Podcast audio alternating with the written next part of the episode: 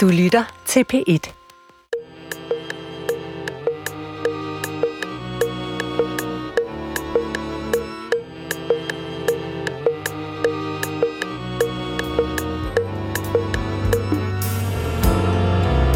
When you're down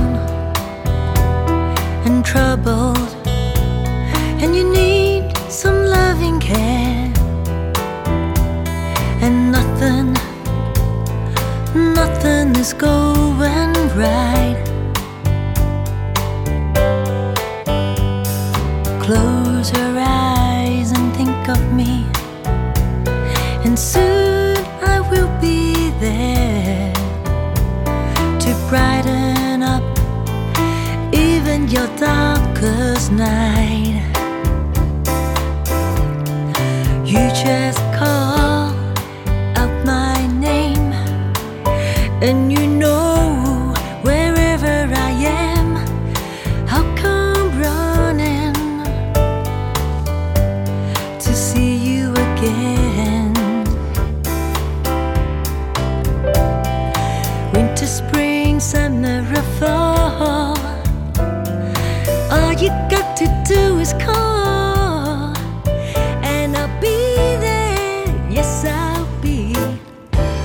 Goddag, mit navn er Peter Lund Madsen, og rigtig hjertelig velkommen til Hjernekassen på P1, hvor vi lagde ud med sangen You Got a Friend, og den, det er i dag, eller her og nu, sunget af Susan Wong.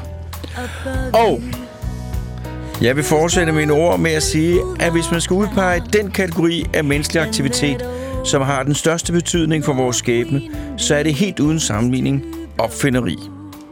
Kunst, religion, filosofi, skøn ånderi i alle afskygninger. Det er fuldstændig afgørende for menneskelivet. Vi ville være i en ørken af uvidenhed uden. uden. Og det samme, det kan man selvfølgelig sige om den politiske videnskab, hvordan vi indretter os. Det er fuldstændig uigendrivelige, vigtige dele af menneskelivet. Men, det vil jeg sagt, så er det, og det bliver det ved med at være, opfindelserne, der er spydspidser. Med nye opfindelser ændres spillereglerne. En hver større omvæltning i menneskehedens historie udspringer næsten altid fra en ny opfindelse. Stenøksen, fiskekrogen, landbruget, stjernekikkerten, bogtrykkerkunsten, maskingeværet, internettet. Alle er der opfindelser, som hver især fuldstændig, dramatisk og uigendriveligt har ændret menneskehedens skæbne. Den fuldstændig makroløse udvikling, menneskeheden har gennemgået, mens vi har levet her på jorden, har været drevet frem mere end af noget andet af lige netop opfindelser. Og det er det, det skal handle om i dag.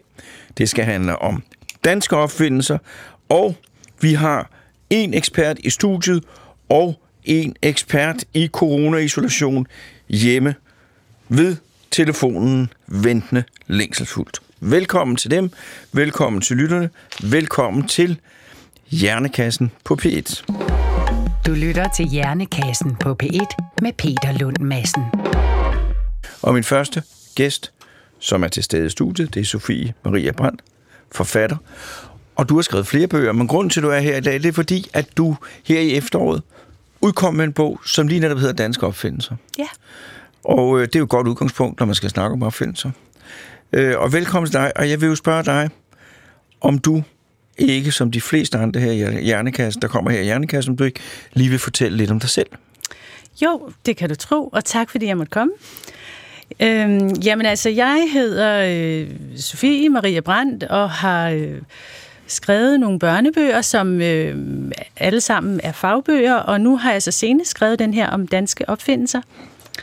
Og øh, altså, i, ja, kort fortalt, så er der 40 danske opfindelser med i bogen, og så har vi også taget øh, fire opdagelser med, som, øh, som også har været meget vigtige og banebrydende. Som vi kan prale med. Som vi kan prale rigtig meget med, ja. Og så, øhm, og så skal jeg jo lige sige, at jeg har øh, lavet den her bog sammen med Cla- Claus Starholdt, som har øh, illustreret bogen. Jeg har skrevet teksten, og han har han står, har stået for illustrationerne, ja. Og det er nogle rigtig gode illustrationer. Nemlig, de er nemlig både øh, underholdende og flotte og farverige og alt muligt, ja. Hvorfor interesserer du dig for? For jeg kom med nogle gode argumenter lige før, men, øh, men, Ja. men, men, men, men ud over det at tilgifte det, hvorfor interesserer du dig for finder? Ja, altså, jeg tænkte jo meget i børnehøjde. Ja. Øhm, først og fremmest. Men altså, børnebøger skal jo helst også være sjove for de øh, voksne at læse. Øhm, og jeg, øh, altså, øh, opfindelser handler jo om at få idéer. Det handler om at fordybe sig i noget, have tålmodighed. Det handler om at turde fejle og blive ved og blive ved og ikke give op. Øh, og, øhm, og det tænker jeg, øh, det tænker jeg er noget, som, som er rigtig godt at, at formidle til børn. Måske især i de her sådan effektiviserings- og den her effektiviserings- og perfekt, perfekthedskultur, som man måske kan sige, vi lever lidt i. Så, så der var ligesom et eller andet der, som jeg synes var spændende at formidle. Og, og den anden ting er jo også, at vi, som du også var inde på, vi tager opfindelser, altså vi omgiver opfindelser, og vi tager måske også meget for givet.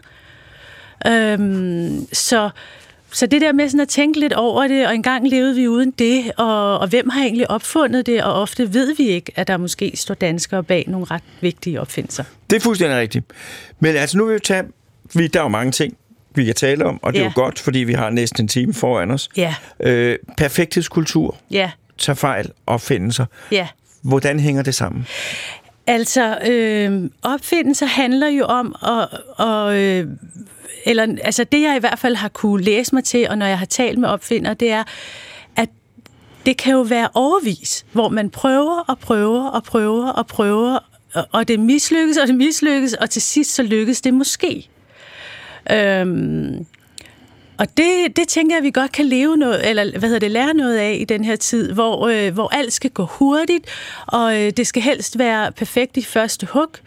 Øhm, ja, så der, der er et eller andet der, som jeg, som jeg er fascineret af, og som jeg tror, vi godt kunne øh, lære lidt af. Jeg kan sige, altså Ja. der, der hvor jeg øh, kommer fra Ja. en gang, det var jo videnskabens verden. Ja. Og der var mange forskellige former for kreativitet, Ja, øh, og, og, no, og nogle af formerne ved jeg ikke så meget om. Mm. For eksempel sådan noget med at spille rockmusik. ja, Øh, der, er- det har jeg læst mig til, at øh, sådan nogle rockmusikere, så drikker de en masse øl, og så står de her kreative. Det kan jeg ikke forstå. Men jeg kan godt forstå ja. måske den form for... Men det er en anden form for kreativitet. Jeg tror også, det er en anden form for kreativitet. Det er jeg overbevist om. ja, Der er løs, når man maler eller laver kunst. Ja. Øh, en mere helt anderledes. Men når det gælder videnskabelige opdagelser, når det gælder opfindelser, så er det jo noget, der er båret af den samme grundting, den gode idé ja, den gode idé, øh, noget, der ikke har været tænkt før, eller ikke noget, noget, man ikke har tænkt på, kunne bruges til noget, Ja. øh, før øh, kommer frem og giver nogle nye muligheder. Ja. Og der er det jo i hvert fald sådan, at i min verden, mm. dengang jeg var der, der var, det, der var det i hvert fald min drøm, det var at få Nobelprisen. Mm. Øh, eller noget, der lignede. Og hver gang man så mødte nogen, der havde fået Nobelprisen eller noget, der lignede, så spurgte man mig om, hvad gjorde du dengang, du fik idéen? Fordi man vil gerne gøre det samme. Og der var der noget, der lå ret fast.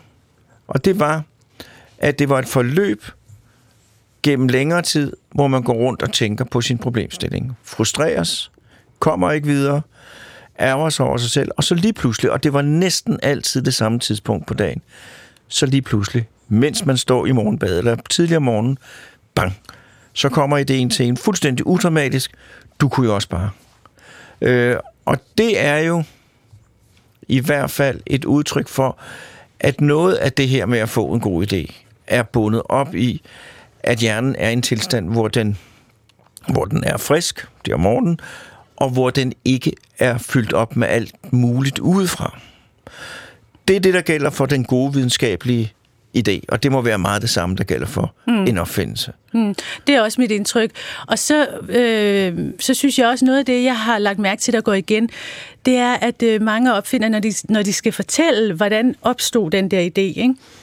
Øh, enten, altså der er nogen, hvor det er en tilfældighed, og så er der, øh, og så er der andre, øh, eller rigtig mange, hvor det har været et eller andet, de selv oplevede at mangle i hverdagen. Ja.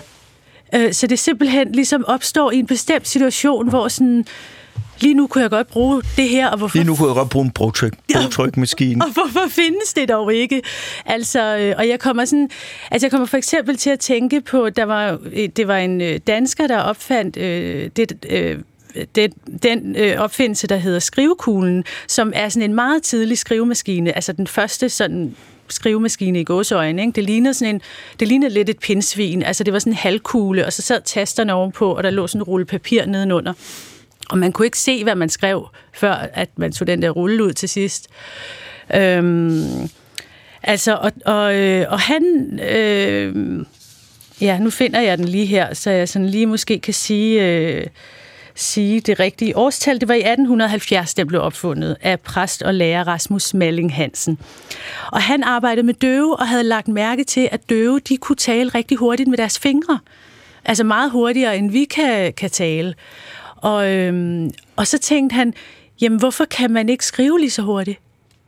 Så det var ligesom bare sådan en kobling ud fra et eller andet, han gik og, og, og oplevede ikke, til hverdag. Ja, og der det bringer mig til en anden mærkesag, som ja. har noget med det her at gøre. Ja. Øhm, Rasmus Malling kom jo fra meget fattig kår Nemlig. og blev støttet af greven Ja. af Knuttenborg, men det er en lang historie. Men det, som jeg, og det, det, det, er en op, det, er en, det er en opfordring til de unge.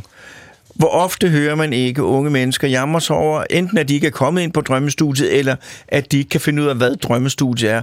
Øh, og det vil sige, at I skal tage det helt roligt, mm. fordi at en af de ting, der skal redde Danmark, det tror jeg virkelig, det er, at man i Danmark får lov til at uddanne sig gennem hele livet. Mm. Og hvis man først har været tømmer, og man så bagefter bliver øh, maskiningeniør måske, så vil man have nogle erfaringer som maskiningeniør i og med, at man er tømmer, som er fuldstændig unikke, og nogle muligheder for at gøre nogle opfindelser, finde på nogle løsninger, som ingen andre.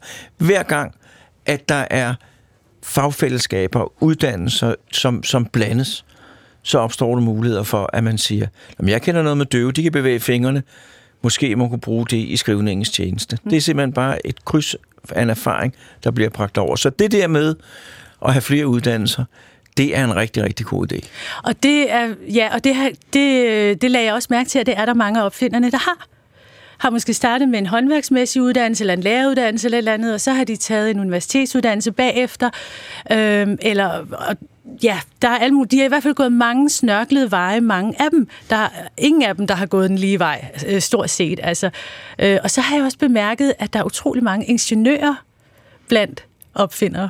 Jamen, det er jo fordi, at det er sådan nogen, det er jo den type. Ja, Altså, i gamle virke landingeniør er nu om dagen, men min far var jo civilingeniør. ja, Civilingeniør, det var også en rigtig ingeniør. Og det var jo, altså det var jo, altså min far, jeg vil ikke sige så meget om min far, men mange af min fars venner, var jo sådan nogle ingeniører, ah, det var min far også, sådan nogle ingeniør-typer, øh, med sådan øh, lidt, altså enormt flinke, men kunne ikke helt, nogle gange helt lige finde ud af, hvordan man skulle være flink på en måde, som ikke var lidt mærkelig. Sådan, øh, øh, og så, ja, det var sådan, og så, øh, og det gjorde min far, de talte meget om den bedst, bedste tekniske løsning. Altså det var, det var, det var, det var det ypperligste. Og så kunne de jo stå, og de, de, de kunne stå i altså en helt øh, selskabelig sammenkomst øh, og, og snakke om en eller anden et eller andet regulationsur, min far havde fundet på til at regulere en termostat. Fuldstændig kedeligt, men de kunne stå og så gyse ved tanken om, hvis man lavede den og den fejl. Det, var, det, er, det er en helt... Dengang var der nogle ingeniører, der var en helt, helt bestemt type. ja. Lykkelige mennesker, vil jeg sige, fordi, fordi de gik simpelthen op i det, der, der var deres kerne, øh, ydelse, det de arbejdede med med hud og hår. Øh, min far var meget, øh, meget interesseret i, i sit arbejde, og meget ambitiøs med hensyn til at gøre det ordentligt. Men han var befriet for, for, for sådan øh, faglige ambitioner. Jeg spurgte en gang, så, fordi sådan har jeg det jo desværre ikke, men sagde jeg, "Far, hvorfor er det ikke dig, der er professor? Så sagde han, jamen det er jo Korsgaard, der er professor. Ikke? og så var den ikke længere. Og det er jo en gave at have helt det der med, hvorfor, hvorfor, hvorfor, væk. Jeg skal bare ned i laboratoriet, ja. og så skal jeg se, om øh, katoderøret, det står, som det skal. Ja. Ikke? Så ikke noget med prestige, ikke noget med... Jo, altså, kunne godt lide at få ros, men slet ikke, nej, ikke det særlig. handlede om feltet og, og, og Bedst, tekni, bedst, tænkelige, bedst Ja. ja. tænkelige tekniske løsninger. ja, en vaskeægte nørd. Jamen, det var, det, jeg ved ikke, jeg, ved- det var bare, det var sådan, det, jamen, det der også er sagen. Min far, hans til jævnaldrende, de voksede jo op i en tid, hvor teknik, som man selv kunne modelflyve og sådan noget, revolutionerede verden. Ja. Altså, så det har jo været, det har jo været fuldstændig lig- ligget lige for, det var det, der interesserede. Ja. Men det har været fra det første øjeblik, at han var interesseret i det. Ja, altså, og nu, øh, nu, nu nævnte du din far, Ja. og jeg havde, jeg havde jo faktisk tænkt mig at, at tage din far op. Ja. her i programmet, fordi, øhm, og sådan vende den lidt rundt, og øh, hvis jeg må spørge dig om nogle ting. Fuldstændig. Fordi, ja, Også, også for spørgsmål, vi ikke har forberedt. Ja, lige præcis, fordi øhm, nu overrasker jeg dig lidt. Altså, fordi øhm, din far har jo også øh, opfundet øh, ja. Alu Margrethe, som er den her øh, termiske mannequin, altså en menneskelignende sådan robot, der øh, kunne måle behagelige temperaturer Ja. for kroppen. Ikke? Altså det kunne for eksempel være, øh, hvornår øh, bliver fødderne kolde i en sovepose. Fuldstændig. Eller, ja, Altså problemet var, eller udfordringen var jo, at hvis man skal finde ud af nu, for eksempel om Morten, der er, har det behageligt i det her rum, så er det ikke nok at sætte et termometer fordi vi har en krop, der, øh, hvor, hvor temperaturen påvirker kroppen på forskellige måder. Så derfor, hvis man vil have en ordentlig mål for det, så må man jo lave et måleinstrument, der ligner den menneske, menneskekroppen. Ja. Og det er jo en lang, lang rejse, og der har min far været en del af den rejse. Men han har gjort flere ting, som jeg jo selvfølgelig ikke fik patent på, det der sådan noget men, men, men flere øh, opdagelser, som alt sammen havde noget med, nej, så meget havde noget med det hedder termisk indeklima at gøre. Altså, hvordan laver man betingelser i rum indenfor, der gør, at folk føler sig behageligt til mode med træk og temperatur og alt sådan noget. Ja, lige præcis. Og altså, øh, så vidt jeg kan regne ud, så har du været omkring syv år, Ja. da din far opfandt øh, Alu Og var i avisen. Det Ja, var, jeg meget var du i. Nej, avisen? min far Nå, var i din far var i avisen, Ja, ja. det er jeg meget stolt af. Ja, det forstår jeg godt. Men altså, kan du huske det? Du kan godt huske det, at han opfandt den, og at, det, Fuldstændig. ja, og at det også var noget, der var vigtigt? Jo, jo, men det, jo, jo, det kan jeg sige, men, men, men, men sådan, altså min far var jo altid over på laboratoriet, Ja, som okay. det hedder, skal over Ja. på laboratoriet. Øh, og så, så kom han viste, jo, jo, men det var, det var vigtigt. Men der var jo ting bagefter, som jo aldrig blev til noget sådan rigtigt, men der var jo den store revolution, fordi at så fandt de jo ud af, at hvis man varmede ryggen op med strålevarme, det var dengang under energikrisen, mm. hvis, man varmede, hvis man varmede din ryg op, så kunne man sænke rumtemperaturen til 17 grader, og så ville du stadigvæk have det behageligt, selvom du bare fik en varmelampe i princippet. Ja. Og på den måde kunne man jo så sænke temperaturen og spare en masse ting. Og det blev så, og det der, og det blev så, fordi han lavede også noget med, for det er en lang historie med Ford, og jeg ved ikke hvad, men det var min fars idé, sikkert sammen med en hel masse andre samtidig, at, at lave bilsædevarme og bilsædeafkøling. Ja. som jo er, er, er meget udbredt. Øh, jo, så der er masser af de ting.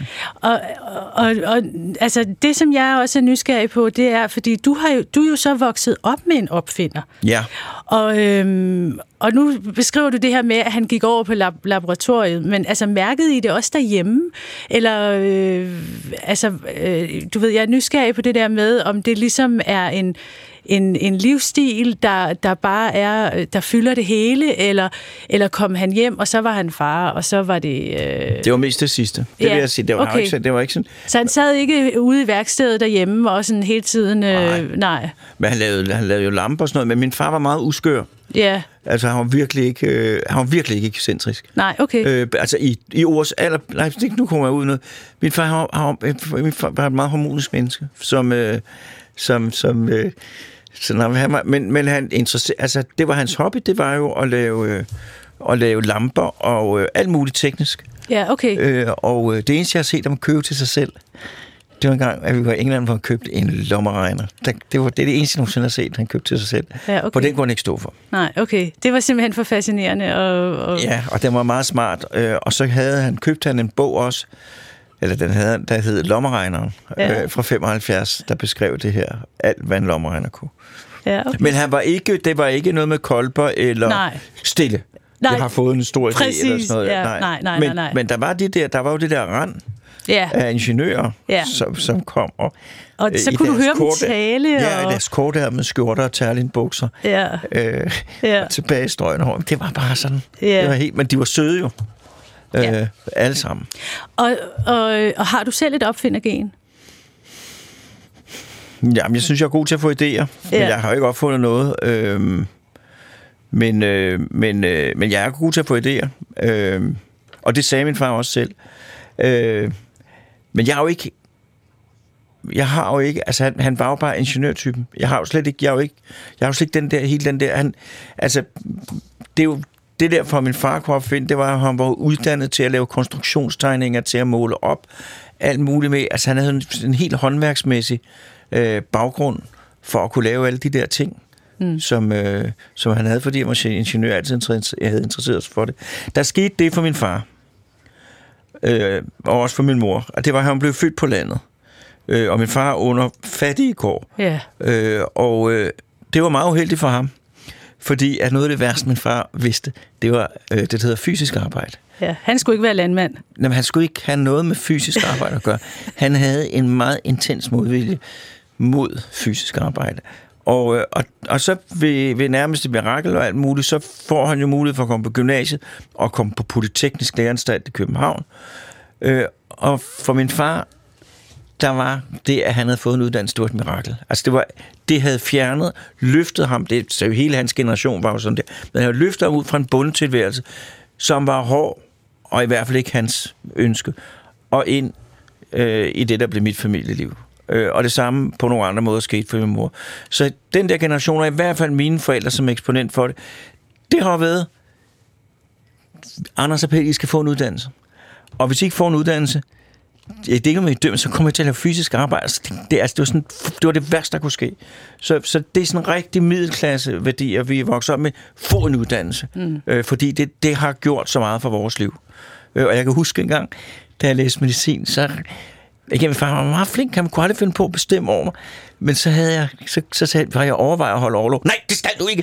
Du, det, altså, der kunne han simpelthen, det kunne ja. han ikke. Nej, jeg skulle få en uddannelse. Ja. Øhm, og, og det, er jo, det, var jo, det var jo deres øhm, ting, og det betyder jo, jeg har jo slet ikke det samme med mine børn. Altså, med, hvis de ikke får, så finder de, så, fordi verden er en anden, og fordi der er sket noget. Men for dem, der var det en stor ting. Ja, jamen, altså, øh, og, og som jeg lige sagde, så Alu Margrethe øh, har jeg jo valgt at tage med i bogen.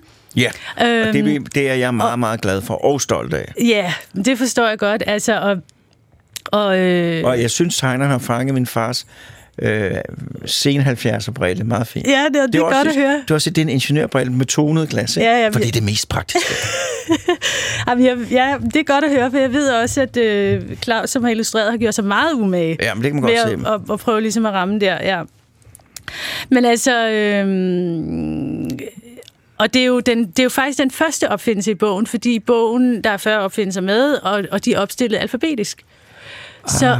Alu Margrethe er simpelthen det første, man, man slår op på. Men, altså, så, men hvis jeg skal prøve at nævne nogle af de andre... Øh, Det må du meget gerne. Skal jeg tænkte, det? jeg tænkte, vi skal lige have noget, der hedder en jingle, Ja. som er opfundet som en sådan en lille pauseting i et radioprogram. Den kommer her.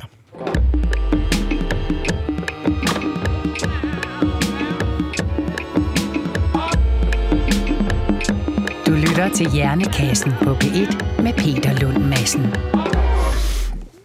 Det er Jernkassen på P1. Det er Peter Lund Madsen, som I kunne høre. Og øh, vi taler om opfindelser. Øh, og vi har haft nogle indflyvninger, og nu kommer vi til, øh, at øh, Sofie Maria Brandt, som er min gæst, som har skrevet en bog om danske opfindelser, vil nu prøve at tale om nogle af de store danske opfindelser. Vigtige og også måske lidt skæve. Mm. Ordet er dit. Tak. Jamen altså, ja, fordi jeg har prøvet i bogen, øh, altså selvfølgelig at tage de banebrydende og vigtige med, og tage nogle gamle opfindelser og nogle nyere opfindelser, og måske også nogle lidt skæve og sjove opfindelser. Øh, og en af dem, som jeg har stødt på, og som jeg har taget med i bogen, det er blindestierne. Ja. Altså, I ved, de der små øh, metalfirkanter, der ligger i fortorvet, øhm, blandt andet på, inde på strøget og på Rådhuspladsen og sådan nogle steder.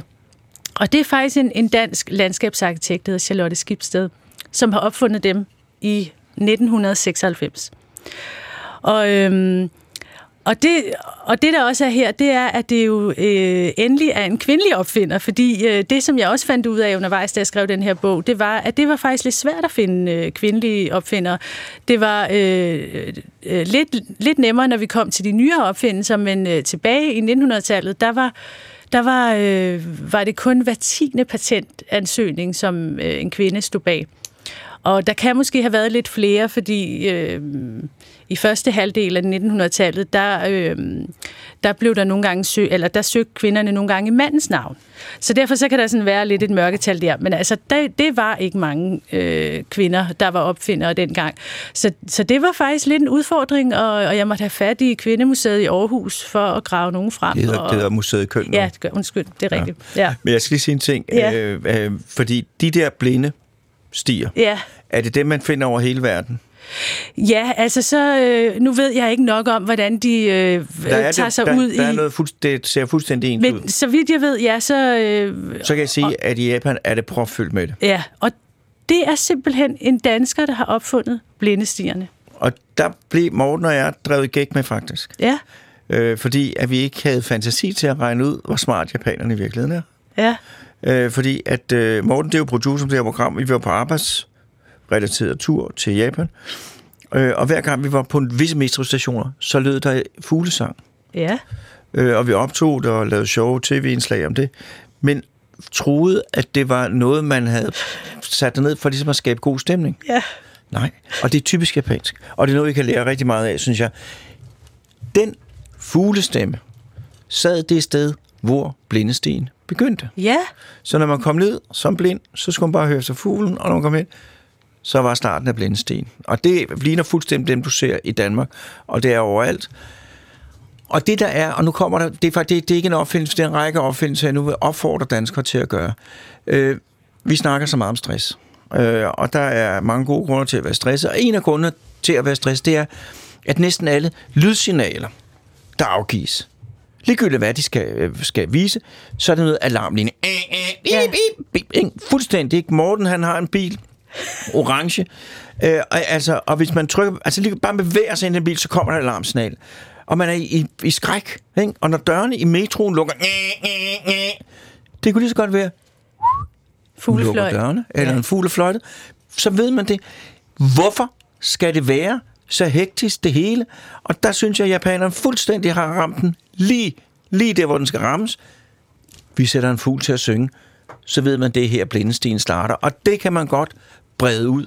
Og på den måde få sådan en, oplevelse, sådan en tur til at være en afslappende oplevelse, i stedet for, at der hele tiden lyder som, der er en katastrofe, der der er ved at ske. Og hvis oversvømmelsen så kommer, så skal der... Og man med det samme. Hov, hov, det er det ikke en blindsti. Vi skal ud nu, ikke? Jamen, det er rigtigt. Ja. Fuldstændig. Så det er bare med at komme i gang. Ja. Og det er, ja, det er fuldstændig alvorligt men Jeg er sikker på, at det bidrager. Og det er i vanetænkning og unødvendigt. Fuglene ind i det offentlige Ja. lyddesign. Ja. Brusende hav og Ja. fuglefløjter. Jamen, jeg er helt med dig. Og også, ja. Altså sådan, også sådan der, ja, nu stopper toget. Ja, I stedet for, næste gang, altså, de lyder som skide sure. Ingen grund til det. Det er det var et tidsspor. Ja, det var- Øh, øh, det var, men ja. kvinder, kvinder Ja. har været, men det, og så noget af det, siger du, er det, fordi, at mænd har ikke har taget, men de har bare sat navn til. Ja, det tror jeg til. lidt var sådan det, der skete. Men altså, øh, øh, og, og, og nu, det jeg så kunne læse mig til, det er, at nu er der så en kvinde med i hver fjerde patentansøgning. Så det går jo langsomt øh, fremad. Hvorfor går det langsomt fremad, sige. tror du? Jamen, må det ikke bare det sådan er en del af den generelle øh, øh, udvikling, hvor, hvor kvinder de ligesom kommer mere og mere Jo. med, eller hvad man skal sige. Øhm, Det men altså, jeg. det er jo stadigvæk, det er stadigvæk en lidt mandsdomineret øh, verden, eller hvad man skal kalde det, altså det der med at opfinde. Men altså, øh, og det man også kan se, det er, øh, der er også forskel på, altså sådan groft sagt, er der forskel på, hvad mænd og kvinder opfinder. Øh, ja, men, øh, men det, Hvad opfinder mænd? Hvad opfinder typisk? Ja, altså, øhm, der var i hvert fald en tendens til, at når jeg gravede de øh, opfindelser øh, foretaget af kvinder, øh, altså op igennem 1900-tallet, når jeg gravede dem frem, så mange af dem, de handlede jo om øh, øh, noget med børn, eller... Øh, Altså, hvordan det kunne være en blæ, eller det kunne være øh, barnevognsski, eller det kunne være... Altså, sådan nogle ting, der på en eller anden måde relaterer sig til børn.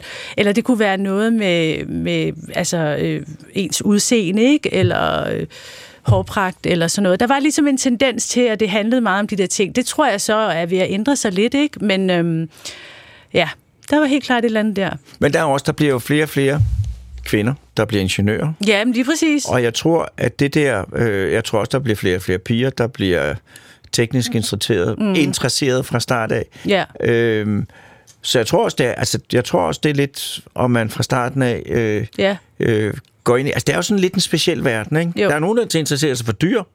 Der er nogen, der interesserer sig for sport. Der er nogen, og, altså, det er ligesom at gå til fodbold, så er det der med teknik og opfindelse og sådan noget, det er noget specielt. Ja. Og det er tit noget, folk har gjort. Mm. Altså, så længe de kan huske tilbage, ikke? Lige præcis. Ja. Ja. Og jeg har virkelig lyst til at... Og, øh, altså, den her bog er jo, er jo henvendt til alle børn, piger og drenge. Men altså, jeg har, det, jeg har, har det virkelig tænkt, at øh, jeg vil da virkelig gerne vise pigerne, at øh, det her det er noget, man kan, og at man, øh, altså ikke et ondt ord om det, men man behøver ikke opfinde blæer og øh, papillotter. Man kan også øh, opfinde øh, blændestiger, eller en fartmåler, eller øh, et eller andet andet. Speedometer. Ja. Jeg vil sige noget, og Ja. det, er, det er endnu, fordi det er, det er, det er manifesternes program, kan jeg høre. øh, jeg vil sige, at endnu vil komme med en, øh, en adresse til, øh, til, det til den unge del af befolkningen. Jeg har sagt det mange gange før, men det kan ikke gentages for, sit, for tit. Hvis man som dreng eller pige, mand eller kvinde, gerne vil gøre en forskel, så kan man gøre det på en meget, meget effektiv måde ved at gøre en opfindelse. Ham, der opfandt penicillinet, den person, der opfandt vindmøllen, alle mulige ting, opfundet af mennesker, som dermed har haft en utrolig indflydelse på deres øh, omgivelser. Og jeg ved godt, det er kontroversielt, og der er nogen, der synes, at det er et quick fix, men jeg siger alligevel i al forsigtighed, jeg er sikker på, og nu siger jeg i hvert fald ikke for meget, jeg er sikker på, nej, det, det bliver meget afdæmpet, jeg er sikker på, at opfindelser, kommende opfindelser vil få en stor betydning for, hvordan vi håndterer klimakrisen, der truer ude i fremtiden. Så hvis man virkelig gerne vil yde sit bidrag, så er en sikker måde at gøre det på at arbejde på opfindelser, der kan hjælpe os til at løse denne store, truende udfordring for menneskeheden. Hmm. Ingen tvivl om det. Og, og det kunne jeg nemlig også øh, se, at mange af de, de nye opfindelser, som jeg fandt frem til, de handler jo netop om, altså for eksempel har jeg genbrugsvatpinden med, fordi det er tre unge danskere, der står bag den. Og det er en vatpind, man kan bruge hele livet, fordi vatpinden øh, er jo en af de største trusler mod, øh, altså de... Jamen, det skal lige forklare, fordi. Ja. ellers så man siger, vatpind, hold nu op, Ja. mand. Hvorfor er vatpinden øh, en stor skurk? Ja, men det, det er jo simpelthen fordi, at øh, der ender øh, uoverskueligt mange vatpinde i verdenshavene. Fordi det rundt omkring i verden er en tradition at smide dem ud i toilettet. Ja, især derfor, ikke? Og, og øh, de, de forsvinder ikke. Og de forsvinder ikke, og det, de kan ikke nedbrydes og, øh, ordentligt, og det, det er et kæmpe problem. Og, øhm, og så, så fandt de her tre unge danske designer på at lave den her genbrugsvatpind, og det er jo genialt. Fuldstændig. Altså, og, og, og, øhm, og så synes jeg, at det jeg også lagde mærke til, det var, at nogle af de andre opfindelser, som, som også er meget sådan dominerende, altså nyere opfindelser, ikke? det er noget, der sådan handler om, øhm, altså for eksempel har jeg øh, en opfindelse med i bogen, som, og det er øh, to unge danske fyre, der gik på erhvervsgymnasium, og den ene havde en lille søster, der havde ADHD, og så fik de den her idé at lave de her øh, støjdæmpende høretelefoner. Altså det er simpelthen eleven, der, der sidder, øh, har nogle høretelefoner på, og så er en støjfri kanal med læreren så alt baggrundsstøj lukkes ude. Ikke? Så noget, der ligesom også, apropos den stress, du talte om, og alle mulige lyde og støj og sådan noget, det er som om, der er også mange opfindelser, der handler om det. Hvordan kan vi få mere sådan øh, fred og ro og... Øh, Fuldstændig. ja. Så der er også et eller andet der. Altså, ja. Men, ja, undskyld. Ja, jamen, så, så vil jeg egentlig også bare sådan lige måske nå at nævne nogle af de andre sådan øh, store og måske lidt overraskende øh, danske opfindelser. Øhm, og en af dem, som jeg har lyst til at nævne, det er burgeren. Hvor mange ved, at burgeren er opfundet af en dansker? Der godt nok var flyttet til USA, men altså... Det tæller. Det, han boede her til han var 20 år, og han var øh, kleinsmed, så vidt jeg husker, og flytter så til, øh, til USA og, og får så en lille øh, frokostvogn.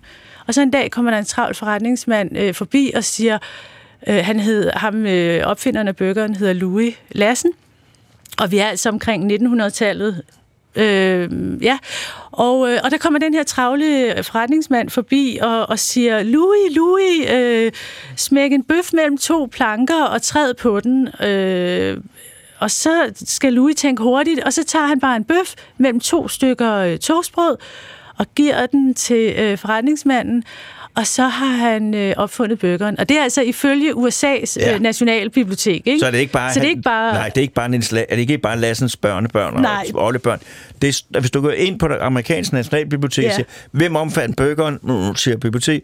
Det gjorde Louis Lassen. Louis Lassen. Simpelthen. Ja. Ja. Altså, man tror, det er løgn. Ja. Ja. Og så han ender med at åbne en øh, café lidt uden for New York, som stadig ligger der, og stadigvæk er i familiens eje. og hvor der ikke er ketchup i burgeren. Og det er det. Man kan ikke gå ind og sige, jeg vil have det, og jeg vil ikke have det, og sådan noget. Den Nej. er, som den er. Færdig slut. Ja. Fordi når, man, når det var, man, man kommer fra den familie, der opfandt den første, så er man lov til at sige, Det er det. det er sådan der. Så må man godt være lidt arrogant. Ja. Ja, ja lige præcis. Øh... Altså, og en af de andre, som vi også er nødt til at, at have med, det er jo højtaleren. Ja. Fordi det var jo også en dansker, altså øh, en ingeniør, Peter Laurits Jensen, som øh, var flyttet til San Francisco. Øh, og, øh, og, og hvor der, der var sådan en øh, lokal sådan berømthed, der blev kaldt øh, toghorn øh, Murphy, som sådan øh, red rundt i gaderne og, og sagde i en øh, helt, altså i, hvad hedder sådan en mega, megafon, Ja. ikke? hvornår baseballkampene fandt sted. Og det var bare råberør. Ja, sådan en, ja, lige præcis, ikke? Og så, øh, og det gav altså øh, ham her, øh, Peter Laurits Jensen, den her idé til, jamen man må da kunne opfinde et eller andet, hvor man kan blæse tingene ud øh, med højere lyd, ikke? Og så sammen med en kollega, så opfandt han højtaleren i 1915, og det var jo banebrydende. Det var en kæmpe opfindelse, altså, som vi jo, man bruger stadig samme teknik i dag. Ja, og han havde jo arbejdet sammen med, med Valdemar Poulsen, som Nemlig. jo opfandt forgængeren til, prototy- eller forgængeren til øh, båndoptageren. Ja. Øh, så så det, var, det var en fornem periode der. Men øh, jeg synes, at, øh, øh, at Danmark har, har, har har gjort det rigtig godt. Øh, og øh, hvad det hedder, så skal vi til, synes jeg, vi skal have en jingle først og fremmest. Du lytter til Hjernekassen på P1 med Peter Lund Madsen. Og i dag der handler det om opfindelser, og øh, min gæst det er Sofie Maria Brandt, som har skrevet en bog om danske opfindelser. Det har vi også talt om. Men nu er det tid til, at vi skal have en ekstra gæst med. Og ekstra gæsten, det er Michael Mølhede. Og så ved vi ikke rigtig, hvad efternavn. Det spørger mig om et øjeblik. Nu kommer jeg med et, med, med et gættende øh, bud. Loving. Michael, er du der? Nej. Hallo? Det er Michael Mølhede. Goddag, Michael. Det er Peter Lund Madsen. Øh, Hej. Goddag. Jeg starter lige med et lidt mærkeligt spørgsmål. Øh, Hvordan udtaler du dit sidste efternavn? Mølhede. Mølhede. Og der så står der Loving til, men det er bare en redaktionel øh, uregelmæssighed. Ja, det hedder jeg sådan set også, øh, så det, den er god nok. Godt. Så bliver det ordnet. Velkommen til, og tusind tak, fordi du vil være med i programmet. Og du sidder jo derhjemme, Ja, fordi at du er i, i isolation. Præcis, jeg har simpelthen corona. Ja. Og øh, går det ellers nogenlunde? Ja, det gør det. Jeg, jeg har noget meget kraftig hovedpine indimellem, men, øh, men indimellem kan jeg også tænke en lille smule klart. Og er det der, vi er nu, eller er det... Ja, ja, det, vi skal nok øh, prøve at få hovedet med. Det er godt. Jeg vil gerne sige god bedring allerede Jo, tak herfra du og nu. Tak for det. Du er jo trompetist i Danmarks Underholdningsorkester. Og det Ja. vil jeg meget gerne lave en hel øh, hjernekasse om. Øh, men det bliver Okay. ikke den her gang. Øh, du er her jo i dag, fordi at du også er opfinder. Er det rigtigt? Ja, det er korrekt. Kan du øh, som, som indledning fortælle lidt om, om den del af dit liv? Jamen, det er egentlig øh, ba- baseret i min far, som øh, byggede flyvemaskiner i sin fritid, da jeg var barn. Og jeg øh, begyndte at rode med knaller og biler og sådan noget, så, så vi, øh, vi var sådan meget mekanisk øh, fokuseret. Og øh, min far han var socialrådgiver, og jeg endte med at tage en uddannelse. Så jeg ville gerne have været ved konservatoriet men min trompet. Der kom jeg desværre ikke. Så tog jeg en uddannelse som reservedelsekspedient til biler. Og det var jeg så nogle år, og så var det alligevel musikken, der trak, og så har jeg levet af at spille trompet de meste af, af de sidste 30 år her. Øh, men altså, det- startede egentlig med min far. Han, han fik den her idé til allerede i, i øh, 60'erne og 70'erne, at prøvede han med at lave flyvemaskiner, som sagt. Og, og så prøvede de at lave en vindmølle, ham og hans kammerat, i slut 70'erne, men den kørte simpelthen for hurtigt, og de droppede det. Men da han, øh, da han så her for en 10 år, 15 år siden, så fik han en blodprop og kunne ikke øh, arbejde mere, og måtte ikke øh, bygge sine egne flyvemaskiner. Og det betød så, at øh, han skulle lave noget andet. Og så foreslog jeg, at han skulle tage den der gamle idé op. Og så fik han ligesom ja, knækket koden på, det kan, man, det kan et eller andet. Og så fik han mig med på den, og så kan man sige, at han lavede toppen af isbjerget, og jeg har så er i gang med at lave fundamentet øh, til, til, at det overhovedet kan lade sig gøre. Ikke? Og hvad er det for noget? Jamen, vi har en, øh, en maskine, der kan konkurrere med øh, hydroenergi, altså øh, turbiner, man sænker ned i, i floder eller tidevand. Øh, der har vi altså et produkt, som i samme størrelse ser ud til at kunne næsten 10 gange så meget. Altså høste som næsten 10 gange så meget effekt, som en turbine, der sætter ned i en flod. Og er der, Og andre, er der andre fordele forbundet med den? Den er 10 gange så effektiv. Er den så ikke Ja. meget indviklet og dyr?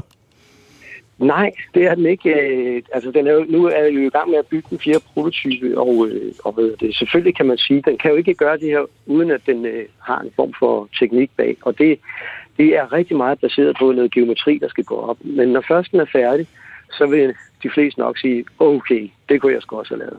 Men Det sådan er altid de bedste opfindelser. Ja, det håber jeg. Jamen, sådan er det. Altså, det, det der, man siger, ah, det er da ingen sag. Det, Ja. øh, nå, videre, undskyld, jeg afbryder. Jamen, det, det er fint. Så, øh, men vi kan, vi kan sætte et meget større vingeareal i, øh, i en strømning, end øh, vindmøller for eksempel kan. Og den kører meget langsommere end vindmøller. Til gengæld så, øh, så, så skal vores maskine være meget, meget stor, hvis den skal ud i vinden og konkurrere med de store vindmøller der. Men det betyder også, at hvor en vindmølle har en hastighed på 400 km i timen, som giver støj, så øh, har vi en, den højeste hastighed på 15 km i timen. Og denne her, det her, det er noget, man kan, kan man bruge den i Danmark, for eksempel? Kan man, hvis man har en, en, en å, der løber bag ens hus, kan man så bruge den? Ja, det vil man kunne. Øh, det er selvfølgelig et spørgsmål om tilladelse, og der er jo rigtig meget udfordring der med miljø der, og, og fisk og, og Uh, ja. land. Så det kan være rigtig, rigtig svært, men omvendt, så, så har jeg jo selvfølgelig også lidt en, øh, en lille stemme i maven, der siger, når nu man hører nogen i fjernsyn sige, det er så træls med vindmøller, så, så har jeg det jo også sådan, vi bliver altså nødt til at putte noget i vand for at høste energien, og vi bliver også nødt til at, pøste, at putte noget ud i vinden for at høste vindenergi. Øh, så hvis, hvis du boede ned til, til Gudenåen, øh, og, øh, og min maskine den lå der, jamen så, øh, så kunne du godt øh, få ret meget effekt ud af det til dit hus. Og hvordan vil det se ud nede i Gudenåen? Hvordan det vil se ud, der, Ja. der, vil, jo- der vil være, på, på kanten af Gudenåen vil man sætte den her maskine, og så vil den ligesom stikke ud over vandet. Og så kommer der en båd, så kunne den lige hoppe op og, og, og flytte sig, mens båden kommer forbi. Ja. Og, øh, og kan du fortælle noget om, eller er det stadigvæk øh, v- ikke beskyttet, men kan du fortælle noget om, hvad er princippet for, at den her den er mere effektiv end, end, end, end, end de maskiner, man kender til indtil videre? Jamen, det er øh, for det første, at øh, i vand, der er kræfterne næsten 800 gange øh, kraftigere end i vind. Ja. Så der har vi jo allerede en kæmpe stor fordel. Øh, den, den, er, den har meget stort vingeareal på meget lille plads. Og det betyder, at, at hvor en, en, en øh, roterende mølle, den har jo ligesom en radius, Ja. øh, den drejer rundt på. Der kan vi altså, om jeg så må sige, flytte os frem og tilbage på en anden måde, end, end man gør der. Det var lidt mærkeligt sagt, men, øh, men det er jo fordi, jeg kan ikke rigtig forklare det, Nej. øh, uden, at, uden at sige, hvordan den virker nø- nøjagtigt. Men jeg vil fortælle dig, hvis du, hvis du lå ved Gudenåen, øh, og der kom en strømning på to meter i sekundet forbi dit hus, Ja. så vil du kunne levere elektricitet til 71 parcelhus i Danmark med den her maskine. Okay, og det vil sige, og der, altså hvis vi snakker vind, der ligger Danmark jo rigtig godt, fordi det blæser hele tiden.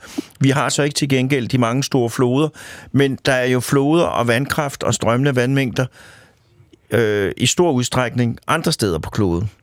Så det her, hvis man går ud over Danmark og skal have, hvor vi har Gud noget at arbejde med, men hvor man har, så er det her noget, der virkelig kan komme til at batte. Det kan jo flytte rigtig meget, især i, i ulandene, der ligger langs med floder. Øh, og det gode er jo også, at øh, nu siger du godt nok, at det blæser hele tiden i Danmark, men det blæser jo ikke ret meget. Og, og de der vindmøller, de øh, producerer jo bedst, når de kommer op på en 10-12 meter sekundet. Og det var der her forleden dag for en gang skyld, men ellers så ligger det jo mellem 7 og 8. Og, og ved det, eftersom effekten den firedobles med, med hastigheden, så, så 7 til 8 meter i sekundet i vind, det er altså ikke ret meget. Så en vindmølle er faktisk kun omkring 21 procent af tiden effektiv. Ja. Hvor vi en flod, der, der flyder hele tiden, der kan vi være effektive 100 procent. Så det her, det er noget, som hvis drømmen går i opfyldelse, øh, ja. og, og, og hvis det bliver, der er jo alle mulige ting, der skal gå op, men hvis det bliver noget, som, som man beslutter sig for, det er det her, den her vej vil vi også gå ned af, så kan man få store mængder energi med en meget, meget høj grad af kontinuitet, undtagen under tørker eller lignende.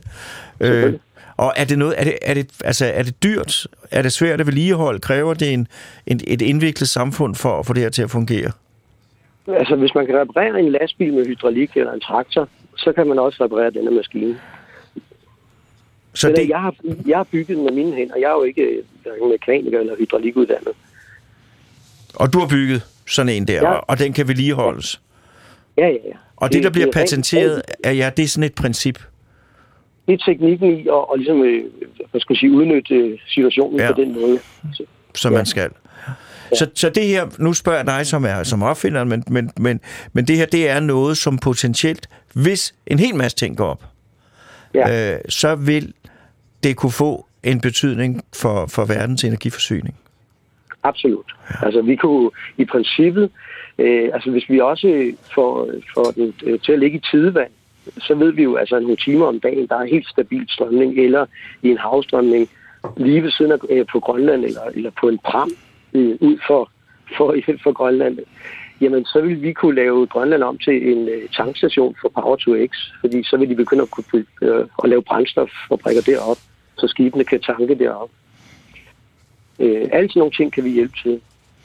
Så det er, kan man roligt sige, øh, en, en idé med, med et vist potentiale. Hvordan er, hvordan er fremtidsudsigterne og tidshorisonten? Jamen, tidshorisonten er lige nu, at nu har jeg, er jeg jo i gang med de fire prototypes, øh, som er tegnet færdigt, næsten færdigt, mangler lige et par procent af, af, af, det, af arbejdet. Og så kan vi simpelthen printe arbejdstegninger ud, så jeg kan aflevere de her tegninger og falde død om af corona, og så kan andre bygge den her, og så vil den virke. Øh, og det er med de erfaringer, vi har gjort igennem de første tre prototyper, og så også i et samarbejde med DTU, som har, har lavet en, øh, en, hvad skal man sige, en ny matematisk beregning på virkemåden i vand. Så nu har vi ligesom fået til alle, hjørner, alle de hjørner, vi har mødt der, slivet af. Så kommer der nogle andre, vi ikke har set endnu. Altså, jeg havde engang en chef. Jeg har haft mange chefer, øh, men det, det var en god chef, øh, og han hed, øh, jeg har sagt det her mange gange, nu siger jeg det igen, øh, han hed Niels Lassen, og øh, han sagde til mig, du skal ikke være bange for, at der er andre, der stjæler dine idéer, du kan altid få nogle nye. Og med det, der mente han, at, øh, at det svære ikke at få idéerne altid, men det svære er at få, det, få dem ført ud i livet. Nu stiller Ja. jeg et spørgsmål, jeg godt kender svaret på. Øh, er det et stort arbejde fra, at man får ideen til, at den ligger ude foran Grønland og laver energi til en kæmpe stor tankstation? Jamen det er, det er jo altså, det er det største arbejde jo. Det er det jo. Altså, og det, det er så vigtigt at finde nogen, der kan, der kan gå med på vejen. Nu, nu har jeg fået 60 investorer fra mit eget netværk, der bare har investeret for 3.000 kroner op efter. Og, og det har selvfølgelig hjulpet, at jeg kunne gøre nogle ting, men jeg kan ikke have alle de her hatte på, der skal til, for at det er lykkes. Så, så det er meget, meget vigtigt, at man finder nogle, nogle folk, der kan løfte en. Og ikke mindst burde regeringen jo øh, virkelig øh, booste sådan nogle idéer her. Ja. Inderst inde, tror du så, det bliver til noget? Jeg vil love dig for, at det bliver sådan noget. Vi, vi har kæmpet. Jeg har brugt så mange timer hver dag i de sidste 7-8 år, og min far har brugt 20 år på det alt, tror jeg. Og det, den her idé, den er så god, den kommer aldrig til at dø. Og dermed vil den her samtale jo også blive historisk. Den vil blive gravet frem, og så, der kan man simpelthen høre, prøv at der sidder de allerførste gang og taler om det her. Utroligt ja. at tænke på, når man ved, hvad der fulgte efter. Ikke? og specielt nu, når du sagde det her, så bliver det så helt meta-agtigt. Jeg vil, Michael, jeg vil, øh, jeg vil ønske dig øh, god bedring. Øh, Ja, tak. Og så vil jeg sige, at øh, jeg lover, at jeg, jeg ved ikke næste gang, men en af de kommende gange, hvor I spiller i underholdningsorkestret, der kommer jeg og lytter på, fordi det er en stor fornøjelse hver gang. Men tak for det. Dejligt. Og tak for indsatsen også på det opfindermæssige, og god bedring, som Jamen, sagt. Ja, tak skal du have. Tak fordi I måtte være med.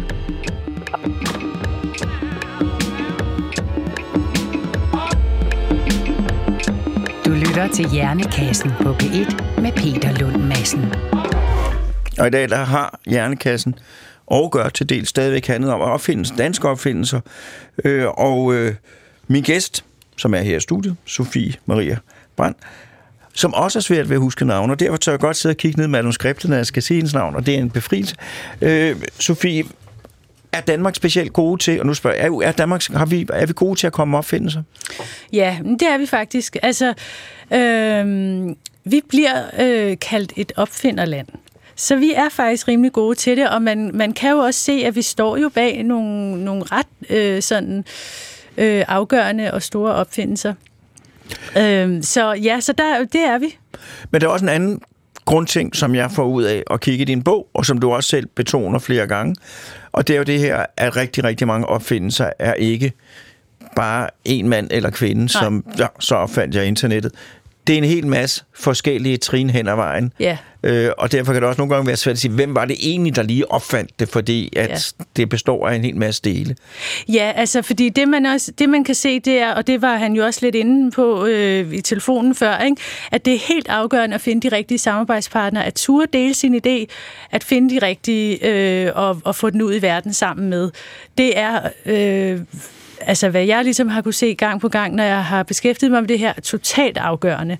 Altså, og, det, og noget andet er så også, at noget andet, man også kan, kan se, det er, at Øh, der er også flere eksempler på, at man har øh, fundet på noget. Altså, det er for eksempel en dansker, der har opfundet bobleplasten, men det er ikke ham, der har fået æren for det. Nej.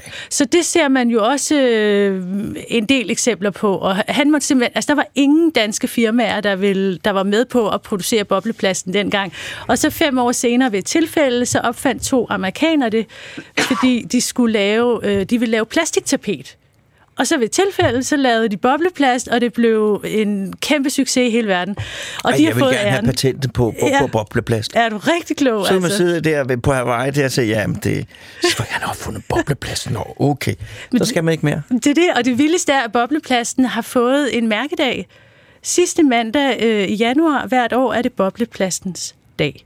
Ja, og den skal vi lægge mærke til i jernkassen. Så er der en anden ting, som, øh, som Danmark står for. Det, det var et ord, jeg havde glemt, som jeg kom til at huske, da jeg læste må. Det hedder højt belagt smørbrød. Nemlig. Ikke bare smørbrød, men højt belagt smørbrød.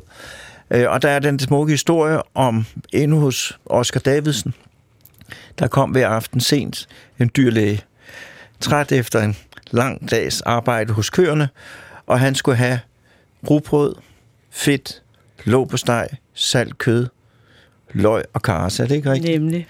Hver dag. Og det blev så til dyrlægens natmad. Ja. Det var ikke ham, der opfandt den, men han spiste den med så stor hyppighed og så stor regularitet, at han fik den opkaldt efter sig. Ja.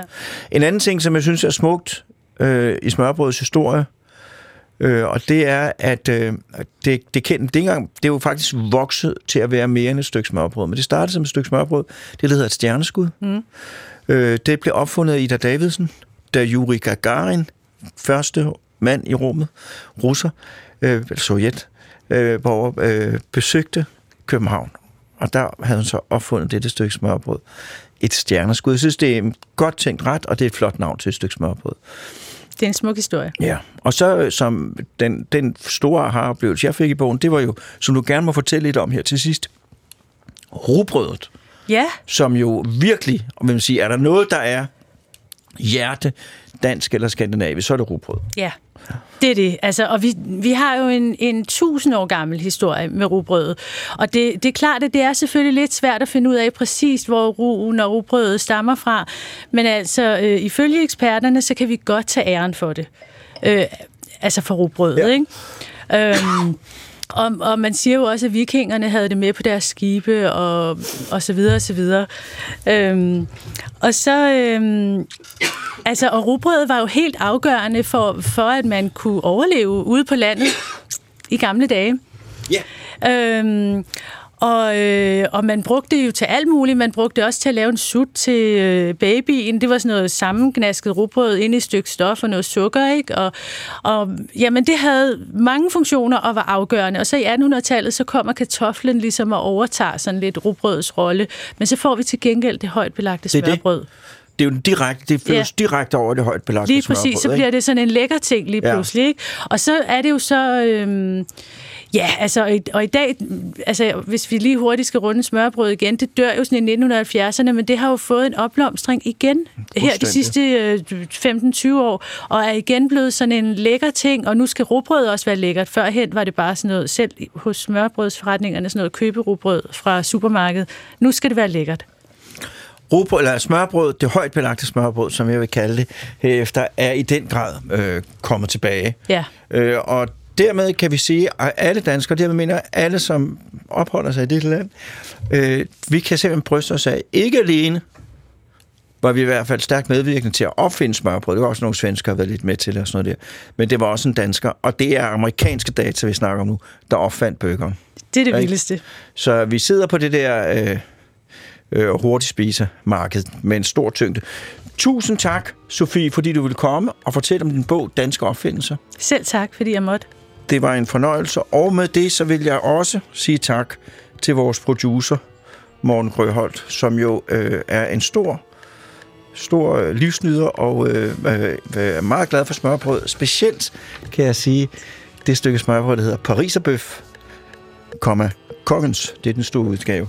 Næste gang i øh, Hjernekassen på P1, så får vi besøg af Inka Inge, øh, og det er noget, der har at gøre med jagten på den forsvundne skat. Så kan jeg vist ikke sige mere om det. Øh, og ellers så vil jeg bare sige tak, fordi I lyttede med, og på genhør om en uge.